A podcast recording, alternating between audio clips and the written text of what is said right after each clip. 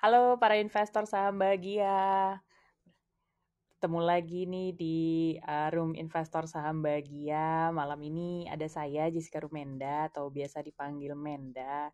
Sekarang lagi shift saya nih untuk menemani para investor bahagia malam ini.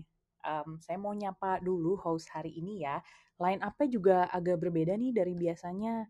Uh, kali ini kita kedatangan Mbak Prita Ilham Pompida, salah satu pelaku pasar modal yang udah 15 tahun berkiprah di dunia persilatan ini. Sekarang beliau jadi CMO di Saya Kaya. Welcome Mbak Prita. Hai Menda, hai semua. Hai. Perdana pakai Clubhouse demi terima undangan kami. Makasih banyak ya Mbak Prita. Doakan saya ya teman-teman. si, kaum oma-oma ini. Belum lah. Belum ya, amin amin. Lalu di sini ada uh, Mbak Nia Yunisila yang merupakan Head of Institutional Equity Sales dari Sukor Sekuritas dan Mbak Nia ini punya pengalaman 11 tahun di pasar saham. Hai Mbak Nia, welcome. Halo, malam semuanya. Malam. Semoga tambah bahagia ya dengan jadi host spesial malam ini. uh, udah ada siapa lagi nih? Um, aku juga mau sapa Pak Wudi. Hai Pak Wudi. Halo, halo, selamat malam. Malam Pak. Lalu ada uh, Mas Bernard. Hai Mas Bernard. Halo. Ada Koko Jason. Hai. Halo. Nah, aku mau men, uh, menyapa dulu nih ho, uh, salah satu host spesial malam ini Michael Yo. Hai, kok Michael. Halo malam Kak. Gimana Ponti? Baik baik. Cuacanya mendung terus sih. Oh mendung terus ya di sana. di sini juga sih agak-agak lagi sering hujan. Uh, teman-teman, uh, teman-teman kita lanjut ya. Kalau teman-teman sempat lihat nih, aku mau ceritain soal tema kita hari ini. Kalau teman-teman sempat lihat poster Clubhouse hari ini, ceritanya itu kan tentang seorang perempuan yang punya cita-cita untuk punya restoran sendiri. Di tengah perjalanan dia tuh ketemu pangeran yang dikutuk jadi kodok gitu. Perempuan ini akhirnya jatuh cinta dengan sang pamer pangeran walaupun wujudnya kodok gitu. Dan mereka rela berkorban gitu jadi kodok bersama agar bisa hidup bersama gitu. Nah, tamu kita malam ini punya cerita yang agak mirip dengan film ini gitu. Bedanya beliau adalah seorang titan di dunia pasar modal dan titan yang punya mimpi untuk punya firm sendiri gitu. Ia sangat cinta saham gitu dan mampu melihat princess di balik saham yang mungkin wujudnya seperti katak gitu. Kemiripan berikutnya adalah tamu kita ini rela berkorban, berkorban besar demi bersatu dengan orang yang dicinta. Dan ini tercermin juga nih di gaya berinvestasi beliau serta pengalaman beliau dalam berbisnis. Selamat bergabung Pak Yos Parengkuan, founder of Shailendra Capital. Sebuah kehormatan nih Pak bisa memperkenalkan Bapak di ruangan ini. Hai Pak Yos. Halo, Pak Yos suaranya belum muncul. Halo. Hai Pak. Welcome ya Pak. Sorry tadi ke mute. Kedengeran selamat malam Pak Yos. malam semuanya. Pak, tanpa berlama-lama, mari kita buka Pak dengan pertanyaan icebreaker. Apakah hari ini sudah minum teh susu buatan Bu Reni Pak? Wah, itu minuman minuman rutin pagi saya kalau nggak kena ya, teh Pak? susu. Waduh, kayaknya badan ada yang salah gitu rasanya. Ah, Bu Reni ada ya hari ini ya? Uh, kayaknya dia ikut dengerin sih. Ikutan. Ikutan dengerin. Hai Ibu, lanjut. Oke, okay. um, kita langsung aja nih. Uh, saya oper ke Pak Wudi untuk bertanya-tanya, ngobrol-ngobrol dengan Pak Yos. Silakan Pak Wudi. Oh oke okay, oke. Okay. Uh, selamat malam, Bro Yos. Terima kasih uh, waktunya hadir di sini malam hari ini. Sama-sama. Ya. Mungkin uh, tadi host kita Menda sempat menyinggung soal pengorbanan besar demi cinta gitu ya. Kalau kalau nggak nggak nggak mohon maaf ya Bu Reni ini masuk ke ranah pribadi langsung, tapi uh, saya yakin audiens pengen dengar gitu karena udah terlanjur disinggung tadi. Mungkin uh, kalau boleh share sedikit audiens di sini seperti apa sih kira-kira ceritanya? Wah, oke. Okay. Ceritanya agak panjang, cuma mungkin saya coba singkat aja. Uh, kita flashback ke tahun 89 di mana saya waktu itu lagi menyelesaikan kuliah master saya di City University Business School London. Um, apa di tahun itu uh, waktu untuk lulus master degree saya saya harus bikin satu disertasi.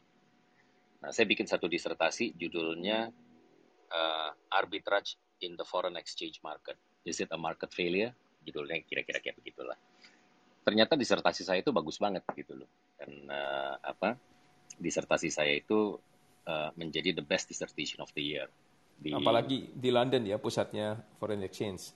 Iya, gitu um, apa kadang-kadang saya baca lagi itu disertasi saya juga bingung gitu loh kok bisa ya gue nulis kayak begitu dulu gitu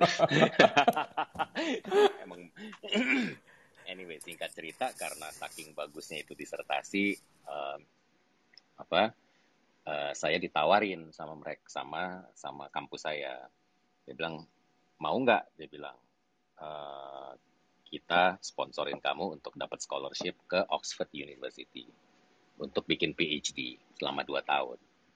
Hmm. Saya mikir kan, wah, saya bilang gitu. Apa bisa belajar di Oxford itu adalah impian saya dari dulu dan mungkin impian kebanyakan orang juga lah banyak orang yang juga bermimpi bisa bisa belajar di Oxford gitu um, cuma waktu itu saya bilang saya bilang setelah saya pikir-pikir saya bilang sama sama dosen saya uh, karena dia bilang begini dia bilang untuk bisa dapat scholarship ini saya harus ngajar dulu setahun di City University, dibayar, digaji sama mereka. And then dua tahun bikin PhD di Oxford. Habis itu balik lagi setahun, saya harus ngajar lagi setahun. Jadi empat tahun tuh hilang, ya kan?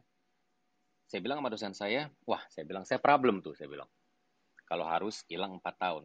Kenapa dia bilang? Karena saya bilang, wah, saya bilang it's a complicated story. Saya bilang cuma intinya adalah saya ini lagi pacaran sama satu cewek, ya kan? Cuma saya nggak direstuin sama keluarganya. Nah, keluarganya ini selalu ngedorong dia untuk uh, apa mau dijodoh-jodohin lah gitu sama orang lain gitu ya kan. Dan pada saat itu saya berasa ini situasinya udah agak genting gitu loh. Saya harus cepet-cepet pulang kalau enggak I'm going to lose my girlfriend.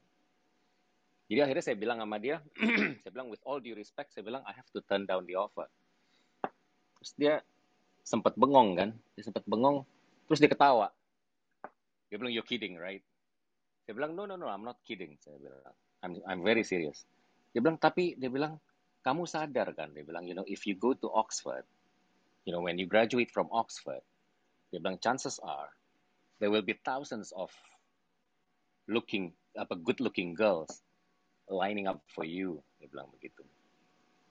Saya bilang, dan dia bilang, it will be so easy for you to find a job, etc., etc. Saya bilang, yes, I understand that. Saya bilang. Cuma saya bilang, masalahnya, saya bilang, uh, walaupun ada seribu cewek lain yang ngantri, saya bilang saya maunya cuma masa yang satu itu gitu loh. Jadi, jadi saya bilang sama dia, I have to wow. make a, a very tough decision. Saya bilang, but unfortunately the answer is no. So it was a big sacrifice for me, ya kan.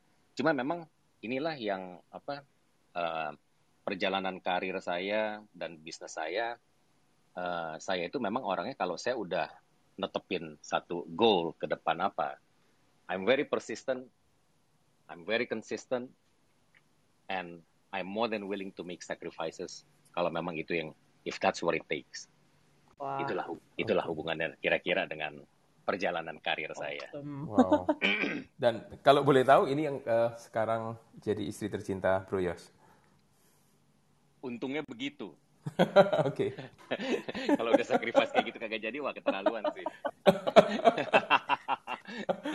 jadi kayak drama itu real ya, Pak? K-drama is real, ya. Yeah. Yeah, this one is, is this one is for real. Yeah. Mungkin kalau kalau uh, boleh boleh uh, ini ya, uh, saya berpikir nih dalam konteks Indonesia pada waktu itu bahkan uh, sampai sekarang pun Oxford adalah Oxford gitu. Jadi uh, langsung masuk kategori apa ya? Immortal gitu kalau bisa ke Oxford ke Cambridge. Apalagi ada beasiswa tersedia. Kenapa nggak yeah. merit dan langsung balik lagi ke Oxford? Uh, mau paham sih gimana tot prosesnya jadi saya mikir apakah kesempatan di Indonesia pada waktu itu juga begitu atraktifnya sehingga harus diambil saat itu juga atau karena harus langsung earn money setelah nikah. Ya, oke. Okay. Jadi sebenarnya memang waktu itu ada satu pemikiran gini. Ke saya nggak tahu uh, kebanyakan audiens di sini udah berapa lama di capital market.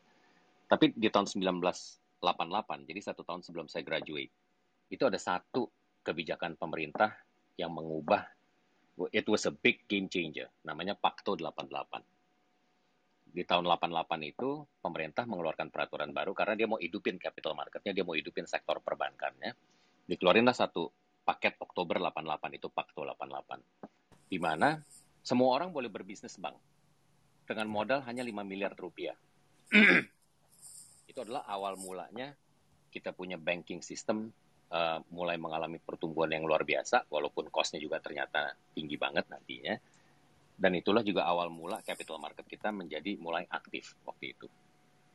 Jadi waktu setahun saya sebelum saya graduate saya udah mulai mikir wah ini opportunity nih baru dibuka gitu loh capital marketnya sekarang. Uh, tapi sebenarnya untuk ngejawab pertanyaan Bro Woody yang sebenar-benarnya ya kan kenapa akhirnya saya putusin kok nggak balik dulu nikah terus balik lagi gitu loh. Unfortunately that was not an option. Okay. Karena pada saat itu saya masih belum dapat restu dari keluarganya dia gitu. Okay. Jadi boro-boro mikirin merit gitu ya kan, direstuin aja belum. Oke oke oke. Understood. So, so it wasn't even an option sih. Oke okay, oke. Okay. So it was quite an easy decision. Oke okay, oke, okay. understood understood. Dan uh, mungkin kalau saya boleh ini ya uh, tanya sesuatu yang agak berbeda ya. Karena yeah. uh, saya itu pernah jadi stockbrokernya Yos Parengkuan gitu. Dan uh, saya ingat waktu itu malu banget kalau harus uh, golf dengan beliau. Seperti yang tadi Nia bilang ya. Saking jagonya Yos Parengkuan itu orang udah tahu lah. Dan uh, akhirnya saya cari akal gitu. Saya ajak nonton olahraga favorit uh, beliau yang lain yaitu pertandingan tinju di Kalimantan. Saya ingat pernah nonton Doug Jordan bertanding di kampung halamannya gitu. Plus kita tuh latihan tinju sama-sama di sana jadi uh, sport itu saya tahu uh, menjadi bagian besar dalam hidup Josh Perempuan. Mungkin kalau boleh tanya di sini, stock market itu kira-kira lebih mirip yang mana ya? Lebih mirip golf atau lebih mirip uh, tinju? Dan sebagai investor, apakah dianjurkan untuk berolahraga secara teratur? Mungkin ini pertanyaannya juga bisa benefit audiens di sini. Terima kasih. Ya, ya, ya. Jadi uh, tadi Nia sempat ngomong juga soal apa dia berandai-andai golf sama saya. Ya segala macam. Terus gara-gara dia nervous uh, akhirnya bikin permainannya jadi jelek terus engagement sama kliennya jadi kurang etc etc ya kan. Uh, sebenarnya investing ini menurut saya mirip sebagian mirip dengan main golf sebagian juga mirip dengan main dengan dengan bertinju juga. Kenapa begitu? Gini pertama-tama kalau untuk audiens yang ngerti golf ya golf itu sebenarnya kalau kita semakin relax mainnya semakin kita santai nggak terlalu mikirin macam-macam, biasanya semakin bagus. And the same goes to investing uh, in a big way, ya kan? Semakin kita nggak terlalu pressure, semakin kita bisa berpikir dengan jernih, biasanya hasilnya itu akan jauh lebih bagus, ya kan? Itulah kenapa saya sampai sekarang, ya kan? Dari saya mulai karir saya berinvestasi sampai sekarang, saya itu paling nggak suka ngeliatin kinerja orang-orang gitu loh. Yeah. Kenapa begitu? Karena it puts a lot of pressure on me. Ya kan sama kayak kita main golf. Kalau abis kita kalau kita mukul paling terakhir nih, orang-orang mukul, waduh bagus-bagus semuanya. yeah. Langsung kita pressure kan mau, waduh langsung kita mikir, oke okay, kalau gitu gue mukulnya nih harus begini, harus begitu loh. Kebanyakan yang dipikirin, jadi overthinking gitu ya kan. Iya. Akhirnya jadi kacau. Sama, investing juga begitu. Kalau kita udah ngeliat kinerja orang bagus, kita jadi kepikiran gitu kok dia bisa tumbuh 30%, gue cuma 20% ya. You know, maybe there is something wrong dengan gue punya stock picks. Ya kan? And then, you know, tanpa kita realize karena kita mau catch up dengan yang lain-lain, we start taking unnecessary risks. Oke. Okay. That's the danger. ya kan? Padahal apa yang kita udah bangun portfolionya, it, you know, we just have to wait for the right time before the portfolio starts to perform gitu loh. Ya kan? Seringkali begitu gitu loh. Ya kan? Nah kenapa mirip dengan tinju? Ini buat investor-investor yang yang yang baru yang baru mulai main di pasar modal nih. Ya kan? Saya cuma mau bilang begini ya kan? Dari saya main saham udah 31 tahun lebih gitu loh. Dan, dan saya bayar uang sekolahnya udah mahal banget gitu loh. Ya kan? jadi Thank mungkin you saya bisa berbagi ber, bisa ber, berbagi sedikit pengalaman di sini yang saya mau bilang sama sama investor-investor pemula adalah begini ingat kita main saham itu kadang-kadang kayak kayak kita bertinju, ya kan? It's okay to get knocked down, but make sure you don't get knocked out. Wah, ya cakep. Ya kan? Jadi dengan kata lain, jatuh bangun itu biasa. But make sure waktu kita jatuh kita masih bisa bangun lagi to fight the next round. Otherwise, you are finished. Oke. Ya kan? Oke. Jadi apalagi kalau kita main saham pakai margin gitu loh. Ya kan? Uh, that will accentuate the danger of being knocked out completely. Ya. Ya kan? Jadi itu yang harus diingat selalu gitu loh, ya kan? It's okay to get knocked down, but make sure you don't get knocked out. Dan So uh, you can you can fight the next round. ini pentingnya risk management dan uh, konsep margin of safety ya di sini, Bro Yos. Yes, absolutely. Oke, kalau untuk uh, ini ya, investor, apakah dianjurkan untuk rajin berolahraga? Atau mungkin staff di Shalendra misalnya? Um, uh, apa terus terang saya belakangan uh, apa sejak hampir setahun ini lifestyle saya agak berubah ya kan? Kalau tadinya saya cuma olahraga cuma seminggu sekali main golf hari Sabtu pagi ya kan? Uh, sekarang saya berubah saya setiap pagi olahraga saya make sure paling nggak saya olahraga sejam ya ini mungkin juga karena uh, apa faktor faktor usia juga kali ya jadi kita semakin health conscious ya kan Uh, tapi ternyata saya baru ngerti gitu loh kenapa orang-orang selalu nganjurin olahraga uh, yang yang yang rutin gitu loh setiap hari. There are two things that happen uh, kalau kita exercise. Pagi-pagi kita exercise, ya kan? Sekarang saya sukanya exercise sebelum market buka gitu loh. Ternyata setelah kita exercise, uh, kita itu bisa berpikir jauh lebih jernih gitu loh, ya kan? Itu yang saya yang saya belajar gitu loh, ya kan? kita jauh badan kita jauh lebih segar dan kita jauh lebih produk, produktif gitu loh selama seharian. Kalau dulu lifestyle saya beda banget. Saya bang, saya nggak pernah bangun pagi gitu loh. Dulu saya bangun udah mepet-mepet market mau buka, makanya saya cuma minum teh susu nggak sempet sarapan lagi tuh, langsung kabur ke kantor Oke. ngejar market buka, ya kan? And then saya stay di kantor sampai jam 11 malam, saya baru makan jam setengah 12 malam, saya baru tidur jam 2 pagi. Jadi semuanya dibikin mepet-mepet gitu loh, karena kepengen make sure ya kan jangan sampai ada informasi yang saya miss nih gitu Yes. loh, ya kan. Oke. Um, cuma ternyata it's not the most productive way of doing this. Ya kan, ternyata kalau kita hidup teratur, saya sekarang jam jam 10 setengah 11 udah udah ngantuk gitu loh. Tapi kalau kita olahraga pagi, ternyata hari kita lebih produktif, and then malam kita bisa dapat deep sleep. Dan deep sleep ini ternyata penting gitu loh. Kalau kita bisa dapat deep sleep 7, ha- 7 jam aja sehari, itu penting banget buat kesehatan kita.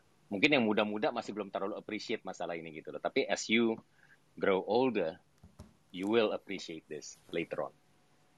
Oke, oke. Thank you. Nanti saya akan eh, tanya lebih jauh soal deep sleep. Tapi eh, mungkin sebelum sebelum ke sana ya, saya dengar eh, juga Bro Jos tuh eh, pernah memilih untuk bekerja di Dana Reksa ya daripada di Merrill Lynch. Walaupun eh, Merrill ini dari yang saya dengar tuh sempat menawarkan paket yang sangat menarik, berlipat-lipat paketnya Dana Reksa, ditambah lagi perks-nya yang tidak kalah menggiurkan. Mungkin kalau boleh share ke audiens di investor saya lagi ya, kira-kira landasan keputusannya apa dan thought prosesnya bagaimana? Apakah ini idealisme atau uh, pragmatisme atau uh, mix di antara keduanya? Ya, ini mungkin salah satu uh, big sacrifice yang pernah saya lakukan dalam uh, perjalanan karir saya. Dan ini terjadi di tahun 99, di mana pada saat itu saya udah bekerja buat Lipo Securities kira-kira 10 tahun lebih. Kemudian waktu itu Lipo Securities mau merge dengan uh, Ciptadana. Ya. Um, nah, saya bilang sama Pak James Riyadi waktu itu, Pak James, saya pikir ini mungkin waktunya saya untuk uh, say goodbye saya pengen buka wawasan saya lebih jauh, ya kan saya minta blessing dari Bapak untuk saya bisa move on gitu loh. And he gave me his blessing. nah, begitu saya uh, mulai cari kerjaan, tiba-tiba ada ada beberapa institusi yang datang ke saya, tapi yang paling menarik adalah tawaran dari Dana Reksa sama dari Merrill Lynch. Now, unfortunately, dua tawaran ini kebetulan ada di dua ekstrim. Yang satu nawarin gaji paket gajinya luar biasa, lima kali dari yang saya dapat di Lipo Securities dengan guaranteed bonus segala macam, ya kan. Sementara yang satunya lagi Dana Reksa nawarinnya gaji yang ditawarin itu 40% lebih rendah dari apa yang saya dapat di Lipo Securities. So, on top of that, udah hilang 40% gaji, saya punya fasilitas seperti mobil, supir, bensin, parkir, uh, club membership, golf club membership, uh, segala macam hilang gitu loh. di dana reksa.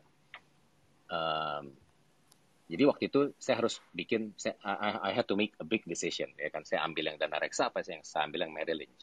Yeah. And seperti yang kalian semua udah tahu, saya end up-nya di dana reksa. Ya kan? Kenapa saya ambil dana reksa? Karena waktu itu dana reksa agree dengan satu term yang nggak mungkin Merrill Lynch bisa agree. Yaitu saya bilang sama dana reksa. Oke, okay, mungkin untuk flashback sedikit. Pada saat itu saya udah tahu persis saya one day akan mendirikan fund management company ya kan jadi saya udah mulai siap-siap nih gitu loh apa aja yang saya harus lakukan supaya waktu saya bikin fund management company nantinya nggak mulai dari nol-nol banget lah gitu loh okay. nah waktu saya ngobrol sama Dana Reksa ada satu hal yang mereka agree yang nggak mungkin Merrill Lynch bisa tawarin ke saya yaitu saya diperbolehkan untuk mencoba any division yang saya mau coba selama saya ada di Dana Reksa. Karena itulah waktu saya pindah ke Dana Reksa, Waktu Merrill itu offer saya untuk jadi research director. Waktu saya masuk ke Dana Reksa, saya bilang saya nggak mau di research. Saya bilang saya akan coba semuanya kecuali research. Karena saya udah, udah kerjain research udah hampir 11 okay. tahun lah waktu itu. Ya kan? Okay. So, saya mulai di Dana Reksa itu menjadi managing director di equity sales. Dari equity sales, saya pindah uh, ke investment banking, and then saya cobain uh, apa uh, DCM, debt capital market, ya kan. Kemudian saya cobain yang namanya proprietary trading. Yang namanya prop trading ini adalah saya trade di market, cari cari duit di market, cari gain menggunakan dana reksa punya balance sheet. Jadi kalau rugi dana reksa yang rugi, kalau untung untungnya buat dana reksa gitu loh.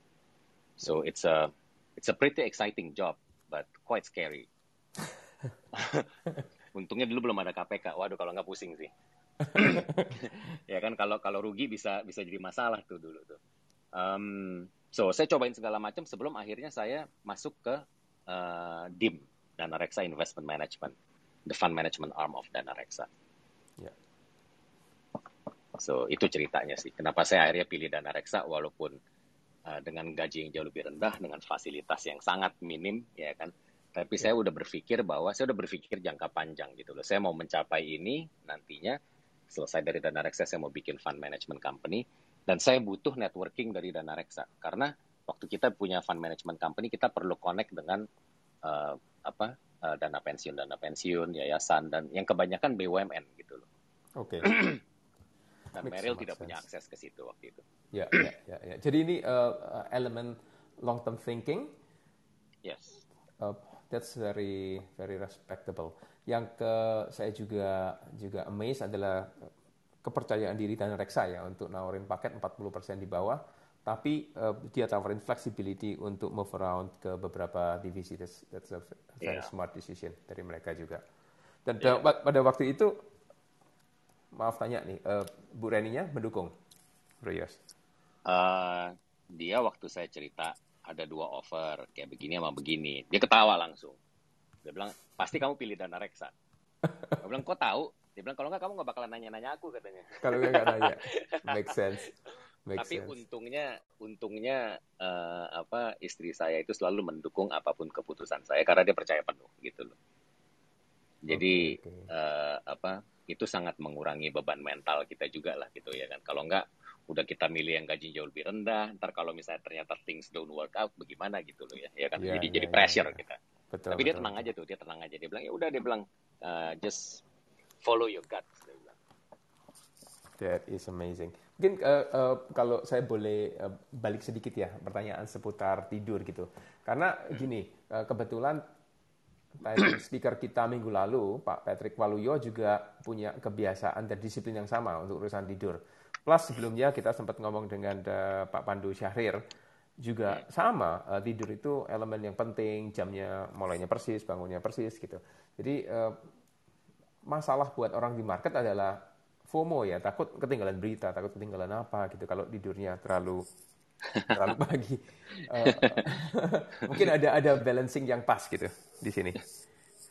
Uh, sebetulnya kalau ya, dulu saya juga begitu kan ya kan takut kayak ketinggalan berita ya kan uh, takut ada ada ya FOMO lah gitu fear of missing out something gitu loh ya kan. Tapi ternyata nggak begitu juga. Kalau kita bangun pagi ya kan uh, kita bisa baca segala macam berita tuh pagi-pagi ya kan. Saya rata-rata bangun sekarang jam kadang-kadang jam 6 udah bangun gitu ya kan. Tapi on average mungkin sekitar setengah tujuh gitu.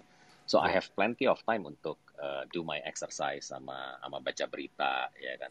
Dan mikir gitu loh sebelum market mikir. buka. Kalau dulu udah nggak sempet mikir gitu loh nyampe kantor pas teng marketnya buka gitu loh ya kan. Wah iya, iya, toto iya. market udah kayak begini udah bingung kita ngeliatnya. Waduh kenapa jadi begini ya marketnya gitu loh ya. diteleponin broker kayak saya juga. Iya So okay. jadi menurut saya sih uh, apa nggak perlu takut uh, missing out something gitu loh. Oke okay, oke okay, oke okay, oke.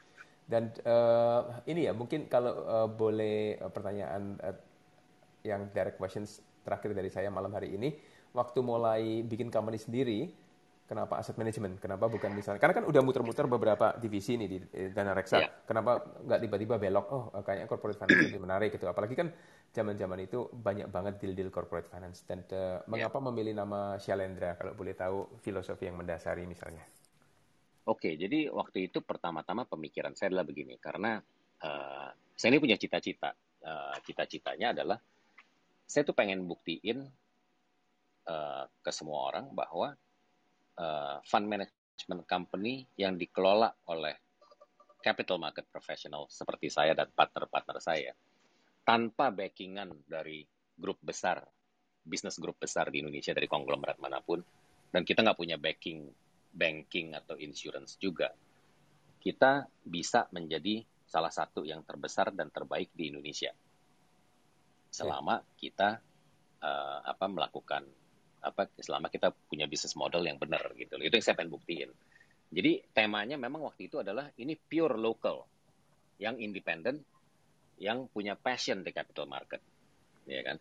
Jadi waktu itu saya number one rule waktu nyari nama adalah namanya harus nama Indonesia. Namanya harus lokal, oke. Okay. Harus lokal namanya ya kan harus bahasa Indonesia gitu loh ya kan pertanyaannya namanya apa nih gitu ya. Nah itu agak bingung tuh. Terus terang uh, itu me quite a while untuk dapetin nama Shalendra. Karena itu nama Shalendra saya yang dapetin. Uh, kenapa namanya Shalendra? Karena Shalendra itu adalah dinasti yang berkembang awalnya dari Jawa Tengah dulu di abad ke-8 ya kan? Dan Shalendra ini punya success story yang yang cukup luar biasa gitu loh. Di mana pada saat itu rakyatnya semuanya makmur daerahnya terus berkembang sampai akhirnya ke Sumatera ya kan? Dan di zamannya Shalendra ini banyak sekali inovasi-inovasi uh, seperti dibangunnya ah, Candi Borobudur, Borobudur ya kan? Itu kan di zamannya Shalendra gitu loh. Jadi sebenarnya itu yang kita mau ambil. Makmur yaitu saya kepengen karyawan saya semuanya makmur uh, dan nasabah juga supaya makmur ya kan? Uh, kedua daerahnya berkembang terus uh, analoginya adalah bisnisnya berkembang terus dan yang ketiga penuh dengan inovasi gitu loh ya kan? Dan kita memang uh, itu adalah salah satu uh, perbedaan kita dengan kebanyakan MI yang lain gitu loh kita banyak melakukan edukasi dan inovasi gitu loh di di di bisnis kita ini gitu itulah kenapa saya pilih nama Shalendra Thank you for sharing, Bro Yos. Welcome. Mungkin uh, saya kembalikan dulu ke Menda ya. Terima kasih.